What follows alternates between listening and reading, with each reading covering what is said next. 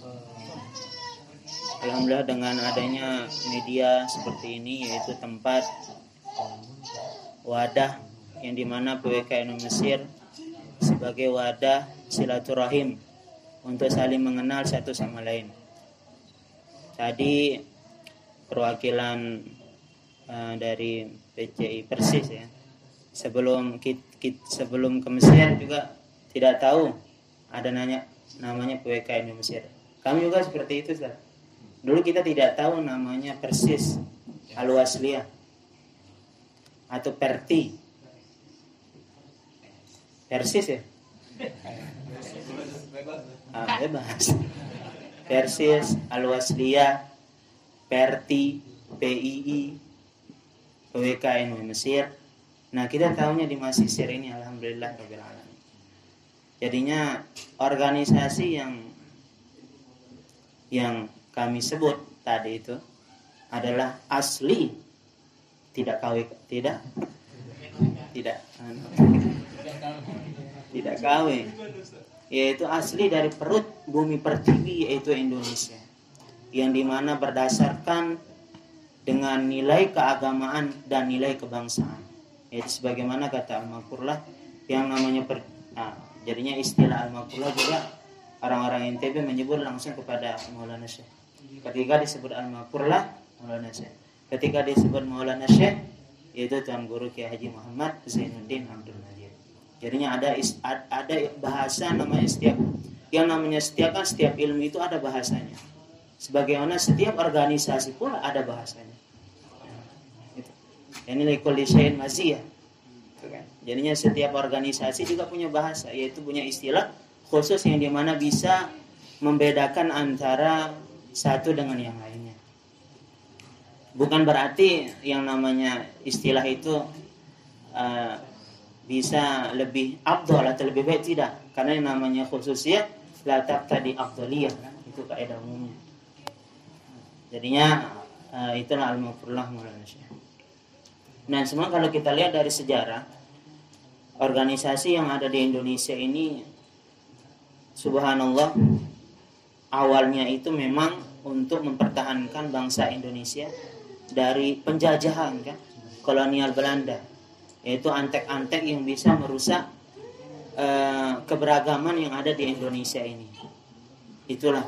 Oleh sebab itu dulu, subhanallah, al-maqurlah Maulana Syekh. Ini lahir kan ketika masa penjajahan. Tahun 1898. Umur beliau itu ketika wafat umur 99 tahun. Jadinya ketika kalau masanya 99, kalau dihitung hijriah hampir 103 atau 104 tahun mendekati sempat Hijriah.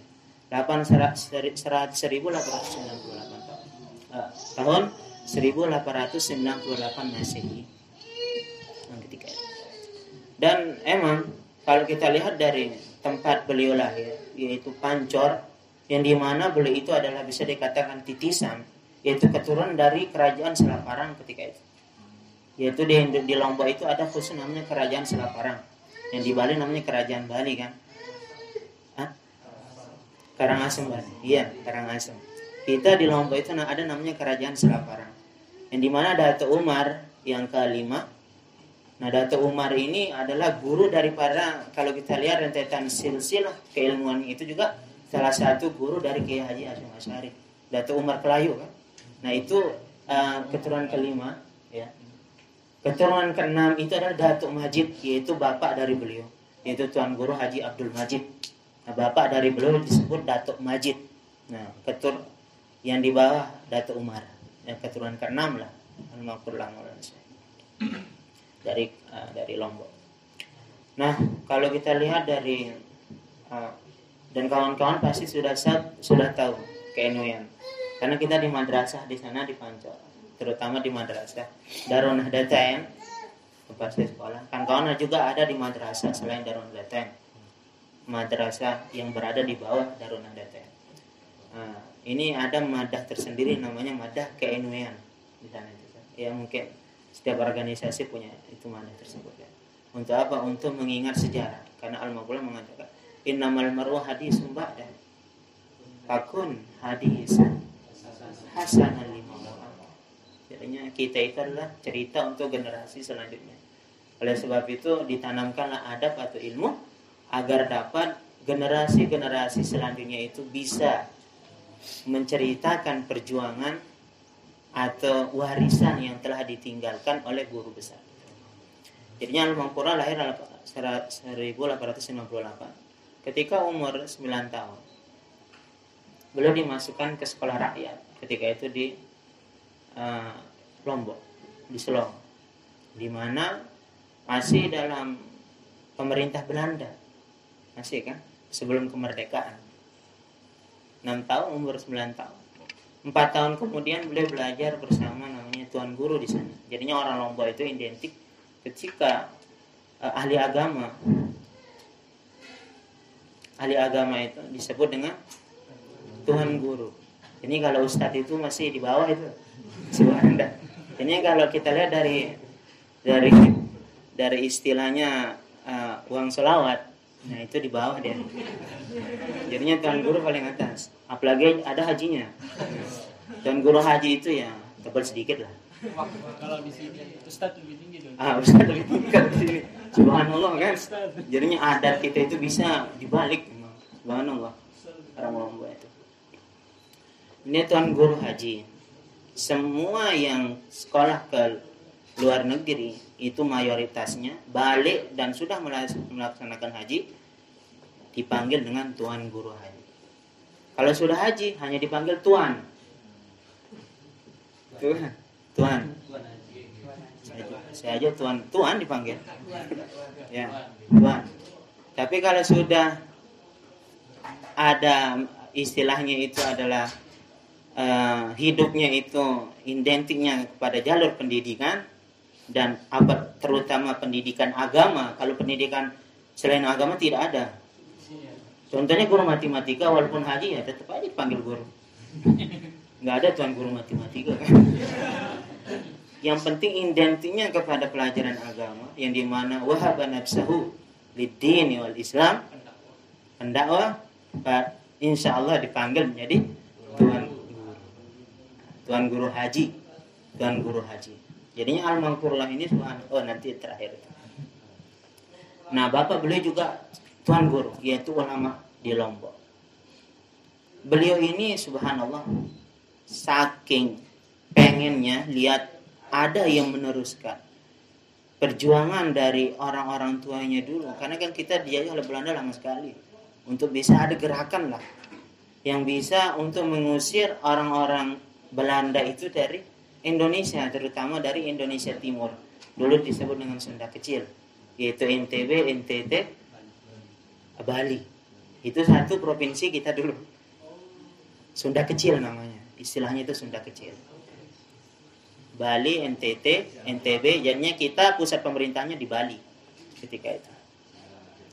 Nah, beliau ini diajar, diminta untuk khusus setelah keluar dari sekolah rakyat SR khusus. Minta diminta ada namanya Tuan Guru Sarapudin dan Tuan Guru Ahmadul Haji itu diminta oleh Datuk Majid yaitu bapak beliau untuk membimbing Syekh Zainuddin kecil yaitu dulu nama beliau Muhammad Saka Muhammad Saka gap kalau dipanggil di rumah. Nah, gap jadinya kan kita sering meringkas kata kan Ali Li gitu. Ya. Ya seperti itulah jadinya diringkas-ringkas untuk panggilan dan bisa juga diplesetin nah. singkat cerita al lah jadinya dulu pada tuan guru di sana di Lombok untuk membayar istilahnya untuk para tuan guru di sana kan memiliki ladang yang besar, luas. Nah, cara santrinya ini adalah diminta untuk bekerja di sana. Karena dia tidak tidak ada yang membayar tuan guru tuan guru di sana kecuali timbal balik. Nah, kita kan ada istilahnya apa kalau tukar menukar itu? Barter. Tapi ini bukan barter ini. Istilahnya kerja usaha yaitu uh, usaha beliau yang mengajar tuan guru tuan murid-murid didiknya nah murid-muridnya ini diminta untuk bekerja di sawah sebagai balasan lah gitu kepada para tuan guru itu tuh mengajar santri-santri itu. Kan tidak ada yang yang memberikan tuan guru itu uh, uang yaitu gaji. Kalau sekarang kan banyak. Jamaah. Sekarang banyak. Subhanallah dulu itu nah diminta lah. Biasa lah kalau kita mondok itu kan Pak Kiai diminta untuk ini pergi ke sawah nah itu untuk membantu Pak Kiai para Kiai kan. Nah kita juga seperti itu di, di Lombok itu Tuan Guru Haji diminta para santrinya untuk membantu gurunya uh, bekerja di ladang nah Datuk Majid ini ketika melihat seperti itu ya Allah beliau mengatakan saya ini adalah kata beliau kepada Tuan Guru Sarapudin ini yang khusus mengajar beliau nahu saya akan berikan dua ton padi satu dua ton dalam setahun untuk sebagai ganti bekerjanya anak saya di sawah. Jadinya Datuk Maji ini sangat kaya sekali beliau. Bapaknya itu memang kaya keturunan sampai sekarang kaya. Keturunan beliau itu kaya kaya. Makanya ada yang jadi gubernur kan. Subhanallah. Sekarang jadi wakil gubernur juga Nah, dikasih dua ton padi ini oleh Datuk Majid untuk bisa menggantikan kawan-kawannya itu banyak yang ke sawah ini fokus saja ngajar anak saya yang penting saya akan bayar kata Datuk Majid itulah yang di sebagaimana ilmu itu mahal sekali kan subhanallah sebagaimana kata Imam Ali yang sering kita dengar seperti itu ketika umur 15 tahun para jamaah haji berangkat ke Mekah dengan menggunakan kapal laut ketika itu Ya, almarhumlah Maulana Syekh bersama adiknya Haji Muhammad Faid, Haji Muhammad Faisal.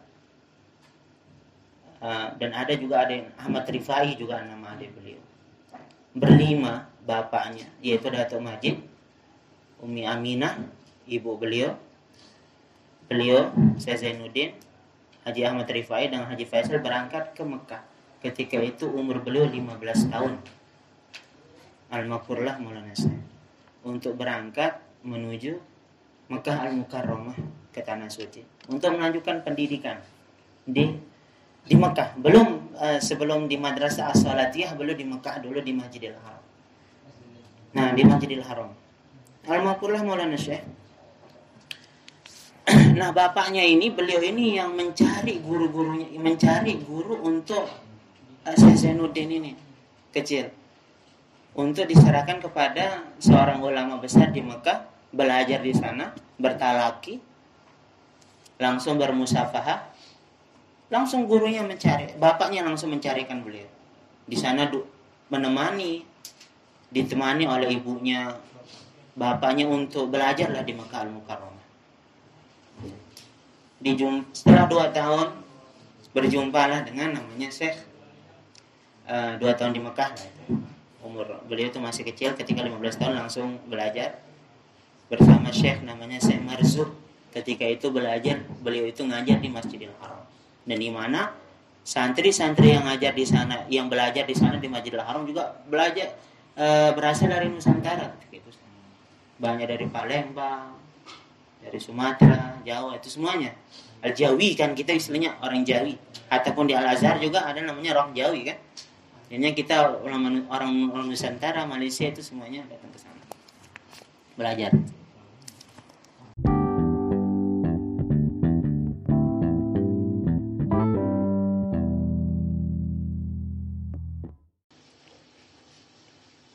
Akdamun min madarisil watoni kata Maulana saya kan.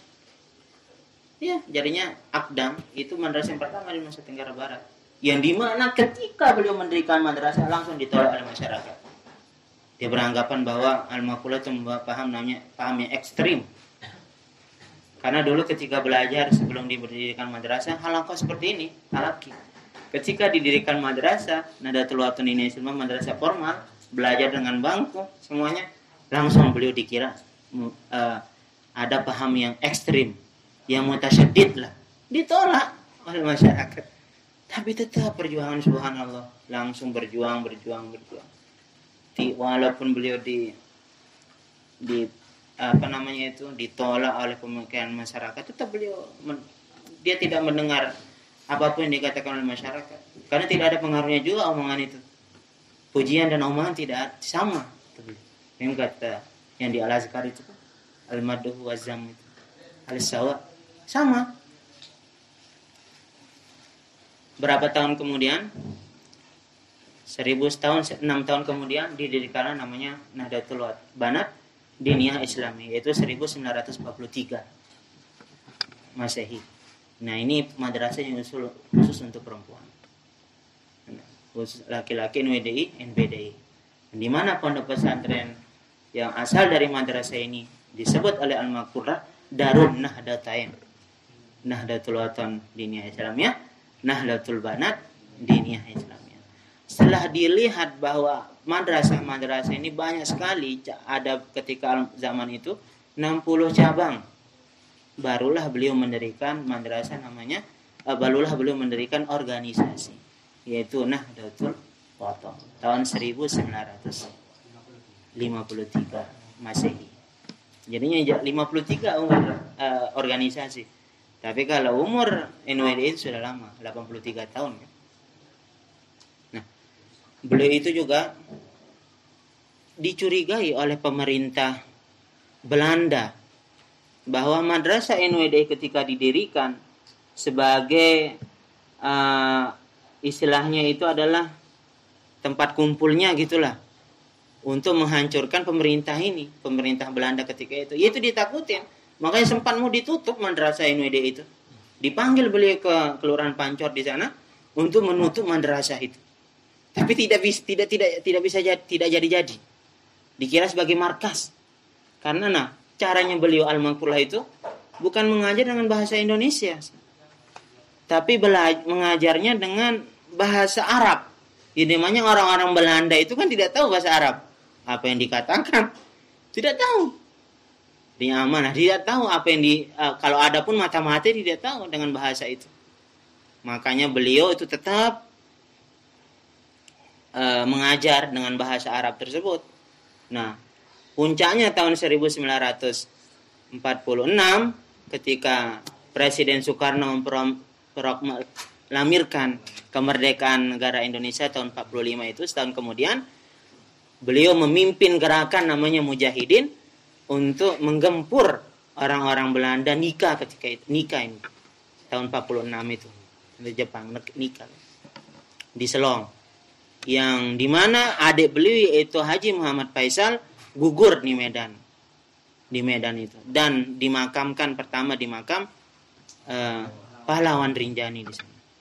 Haji Muhammad Faisal adik beliau.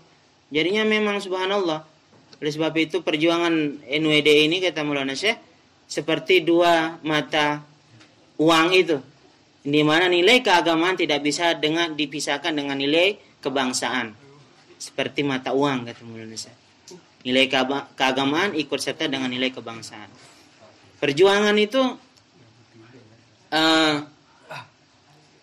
itulah perjuangan dari Maulana Syekh Tuan Guru Ki Haji Muhammad Zainuddin Abdul Majid.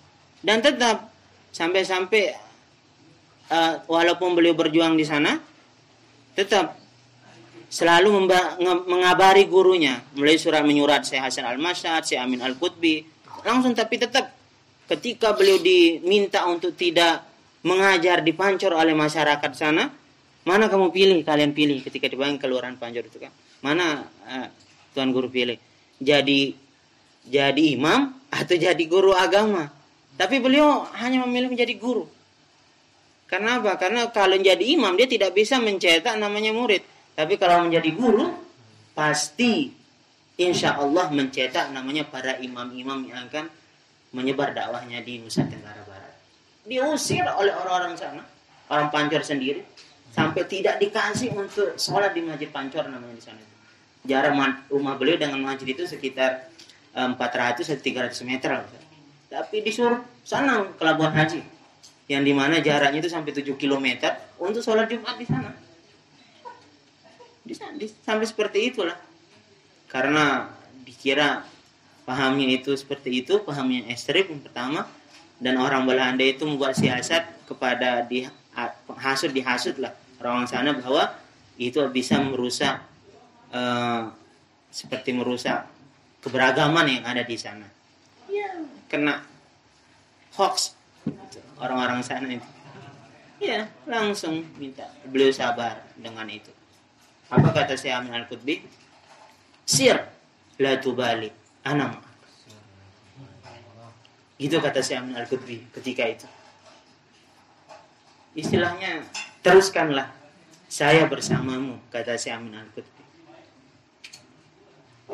Beliau dimotivasi muridnya ini untuk tetap konsisten berjuang menyebarkan agama melalui madrasah itu. Oleh sebab itu beliau mengatakan tetaplah saya selalu berdoa kepada kata si Amin Al Qutbi. Makanya kata saya ini beliau ini mendirikan madrasah pun minta petunjuk dari gurunya saya sama Oleh sebab itu beliau mengatakan madrasah Nahdlatul Ulama ini adalah punya guru saya yaitu Syekh Hasan Al Masyad. Saya hanya melanjutkan dimintalah oleh Syekh Hasan Masyad Nahdlatul Ulama sudah punya organisasi, belum punya bisa menyempurnakan organisasi itu. Nah, didirikanlah namanya Tarekat Hizib Nahdlatul Ulama tahun 1964.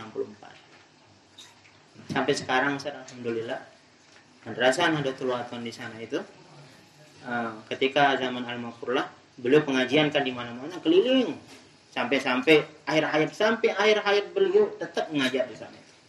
Dokter ada dua dokter yang mengatakan tuan guru jangan ngajar ini kalau tidak umur panjang kata coba dokter itu. Kalau tidak umur panjang jangan ngajar. Tapi al mengatakan tetap ngajar. Sampai dipan ditandu ditandu oleh al tetapi duluan dokter itu yang meninggal. Bayangkan. Dan umur beliau itu masya Allah berkah umurnya berkah dan panjang. Seperti itu Maulana Syekh Tanggur Ki Haji Muhammad Zainuddin tetap sampai akhir hayat ketika itu dulu pernah mengajarkan di sana ada dibuat lembaga pendidikan namanya Mahad Darul Quran wal Hadis. Setingkat sederajat dengan kuliah tapi dia tidak bergantung dengan seperti manhaj salaf gitulah. Tidak bergantung korornya itu diktat kuliahnya itu dengan pemerintah khusus dia tiap pagi beliau mengajar di sana sampai jam 10 beliau itu pernah sakit muntah gitu kan. Balik lagi kamar beliau balik lagi setelah itu kembali lagi untuk mengajar. Begitu terus. Makanya kata beliau itu matahari itu adalah guruku. Selama matahari selama bersinarnya matahari selama itu juga aku mengajar. Nah itu yang diibaratkan oleh jadinya motivasi beliau itu bukan di, samping dari guru beliau orang tua beliau ini dari alam sekitar Gimana? Beliau juga bagaimana kata moderator tadi itu uh, melanjutkan perjuangannya ini adalah bukan dari hanya pendidikan aja, tapi politik. Ikut menjadi anggota konstituan. Umur berapa beliau? 48 tahun. Anggota konstituan. Dan menjadi anggota MPR tahun 71 itu hampir umur beliau 78 tahun. Jadi anggota MPR yang di mana beliau dari Golkar. Golongan karya tapi tahun 78 ini tidak tidak harmonis dengan Golkar keluar.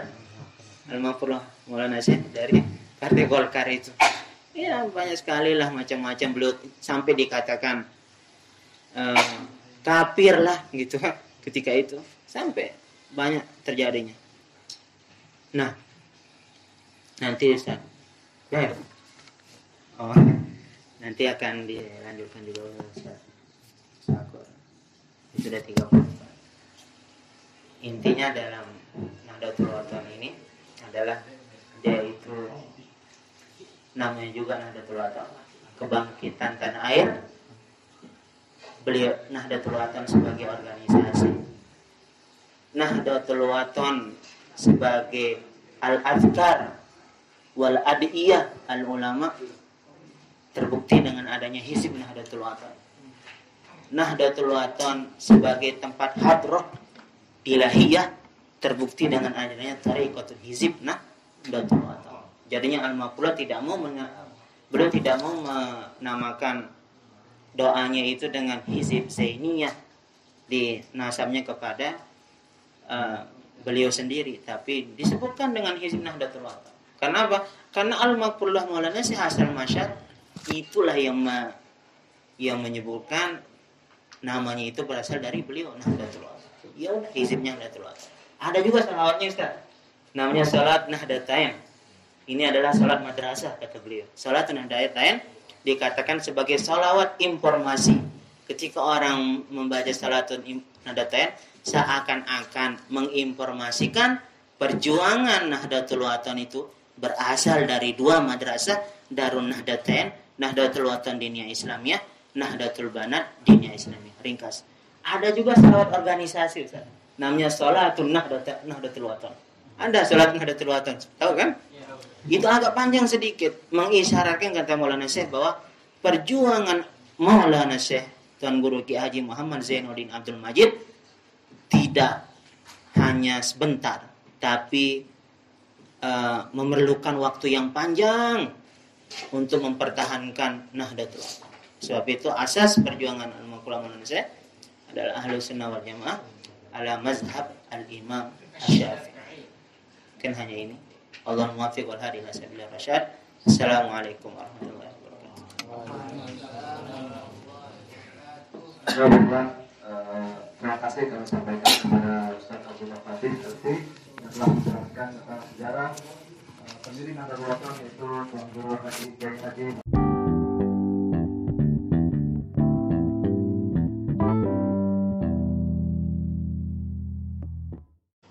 ketika beliau belajar beliau itu karena masih kecil dan um, kan beliau belum menamatkan ilmu nahu secara sempurna di Tuan Guru Sarapudi 15 tahun bayangkan langsung karena dia takut kepada ayahnya ikut ngaji di halakannya si Marsuk ketika keesokan harinya datang satu-satu orang sampai mana Syekh baca kata datang kepada Syekh Zainuddin sampai mana Syekh baca Beliau hanya menunjukkan halaman, tapi tidak menunjukkan kata yang dibaca oleh si Marzuk itu.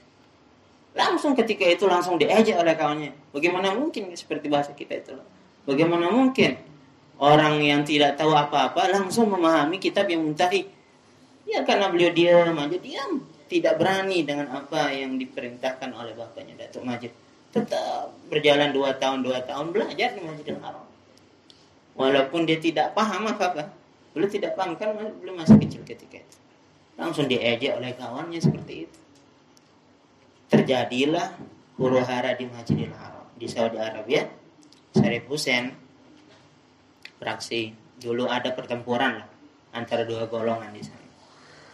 Ditutuplah majelis Masjidil Haram, tidak ada yang ngaji di sana. Baru ada kawannya Syekh Zainuddin ketika masih kecil, diajaklah oleh temannya ini belajar kepada guru-guru yang dikatakan guru masyhur. Yang di mana beliau belajar syair.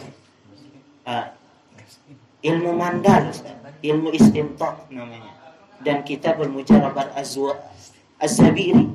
Dulu itu ketika itu ilmu-ilmu yang yang di mana ini kayak menghitamkan kuku bisa melihat orang dari sini itu ilmu gaib-gaib gitu. Karena diajak oleh temannya beliau ini sih Zainuddin. Dua tahun di Mesir berarti empat tahun. Ketika itu empat tahun beliau di Mekah. Dua tahun. Nah sebelum maju salatiyah beliau juga berjumpa dengan Syekh Amin Al Qutbi yang di mana guru beliau di Madrasah Salatiyah belajar di syair itu di sana beliau mutabahir di di syair-syair Arab makanya beliau punya nazom punya uh, manzuma bait nazam bait batu wasiat dan ada ansudah yaitu nasib-nasib islami yang di mana asasnya berupa perjuangan beliau belajar seperti itu Ilmu mandal, ilmu istintok namanya. Nah empat tahun di sana baru berjumpa dengan orang namanya di orang Jakarta, Ustaz Mawardi namanya. Dibawalah beliau ke madrasah as untuk belajar di madrasah as Setelah uh, apa namanya itu peperangan itu bentrokan itu sudah meredup lah. Dibuka madrasah salatiyah belajar di sana di madrasah salatiyah langsung beliau dites oleh mudir uh, madrasah salatiah ketika itu. Di mana madrasah salatiah ini? Madrasah yang tertua di tanah suci Mekah bagaimana kata madrasah yang pertama di mana disebutkan dalam mukoror kita saya ingat itu mukoror tingkat 4 Al Azhar Azharnya uh, perannya Saudi adalah Salatiah disebutkan di sana Salatiah itu madrasah Salatiah Mekah Mukarram di sana ulama besar berjumpa dengan Syekh Salam Masya, Syekh Amin Al-Qutbi. Nah, beliau itu menempuh pendidikan 6 tahun di Madrasah Salatiah. Pada dasarnya orang-orang yang belajar di sana 9 tahun. Tapi beliau dimasukkan ke tingkat 3, tapi beliau minta turun ke tingkat 2 untuk mendalami nahu. Beliau langsung loncat kelas sampai 6 tahun kemudian. Ketika itu beliau tidak mau pulang ke Lombok.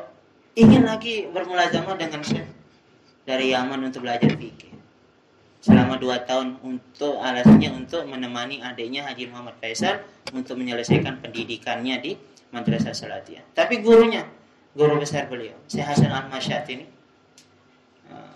guru yang di mana berpengaruh kuat dengan kepribadian Syekh Zainuddin.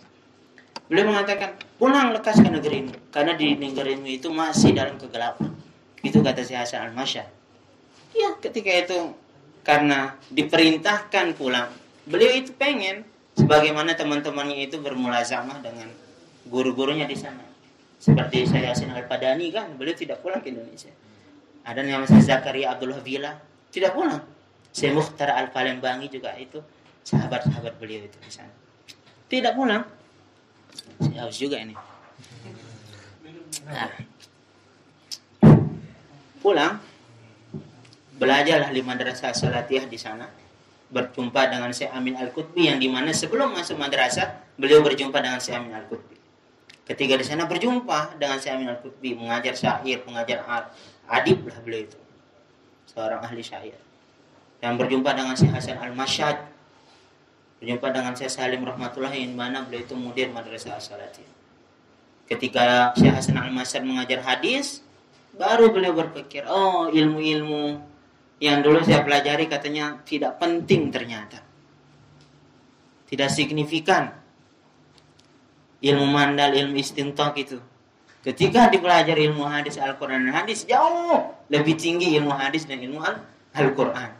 Pokoknya pernah beliau kan diminta untuk dites tauhidnya itu. Ketika itu kan. Bagaimana tentang uh, keilmuannya Syekh Hasan Al-Masad. Masya Allah. Oleh sebab itu memang Syekhun Fattah adalah alat dari talabul ilmi. Syekh itu bisa dia mempengaruhi muridnya. Syekh. Syekh itu. Makanya dimintakan pandai-pandai memilih guru. Tahu ngaji kata. Oh iya. Jadinya dipilihkanlah belajar di madrasah salatiyah ulama besar ketika berjumpa dengan Syekh Hasan Masad beliau berpikir seperti itu karena ilmu itu tidak ada gunanya ilmu yang di bawah tidak ada. jauh lebih bermanfaat ilmu hadis dan ilmu Al-Quran, ilmu tafsir semuanya yang dipelajari untuk menggali hukum-hukum Al-Quran.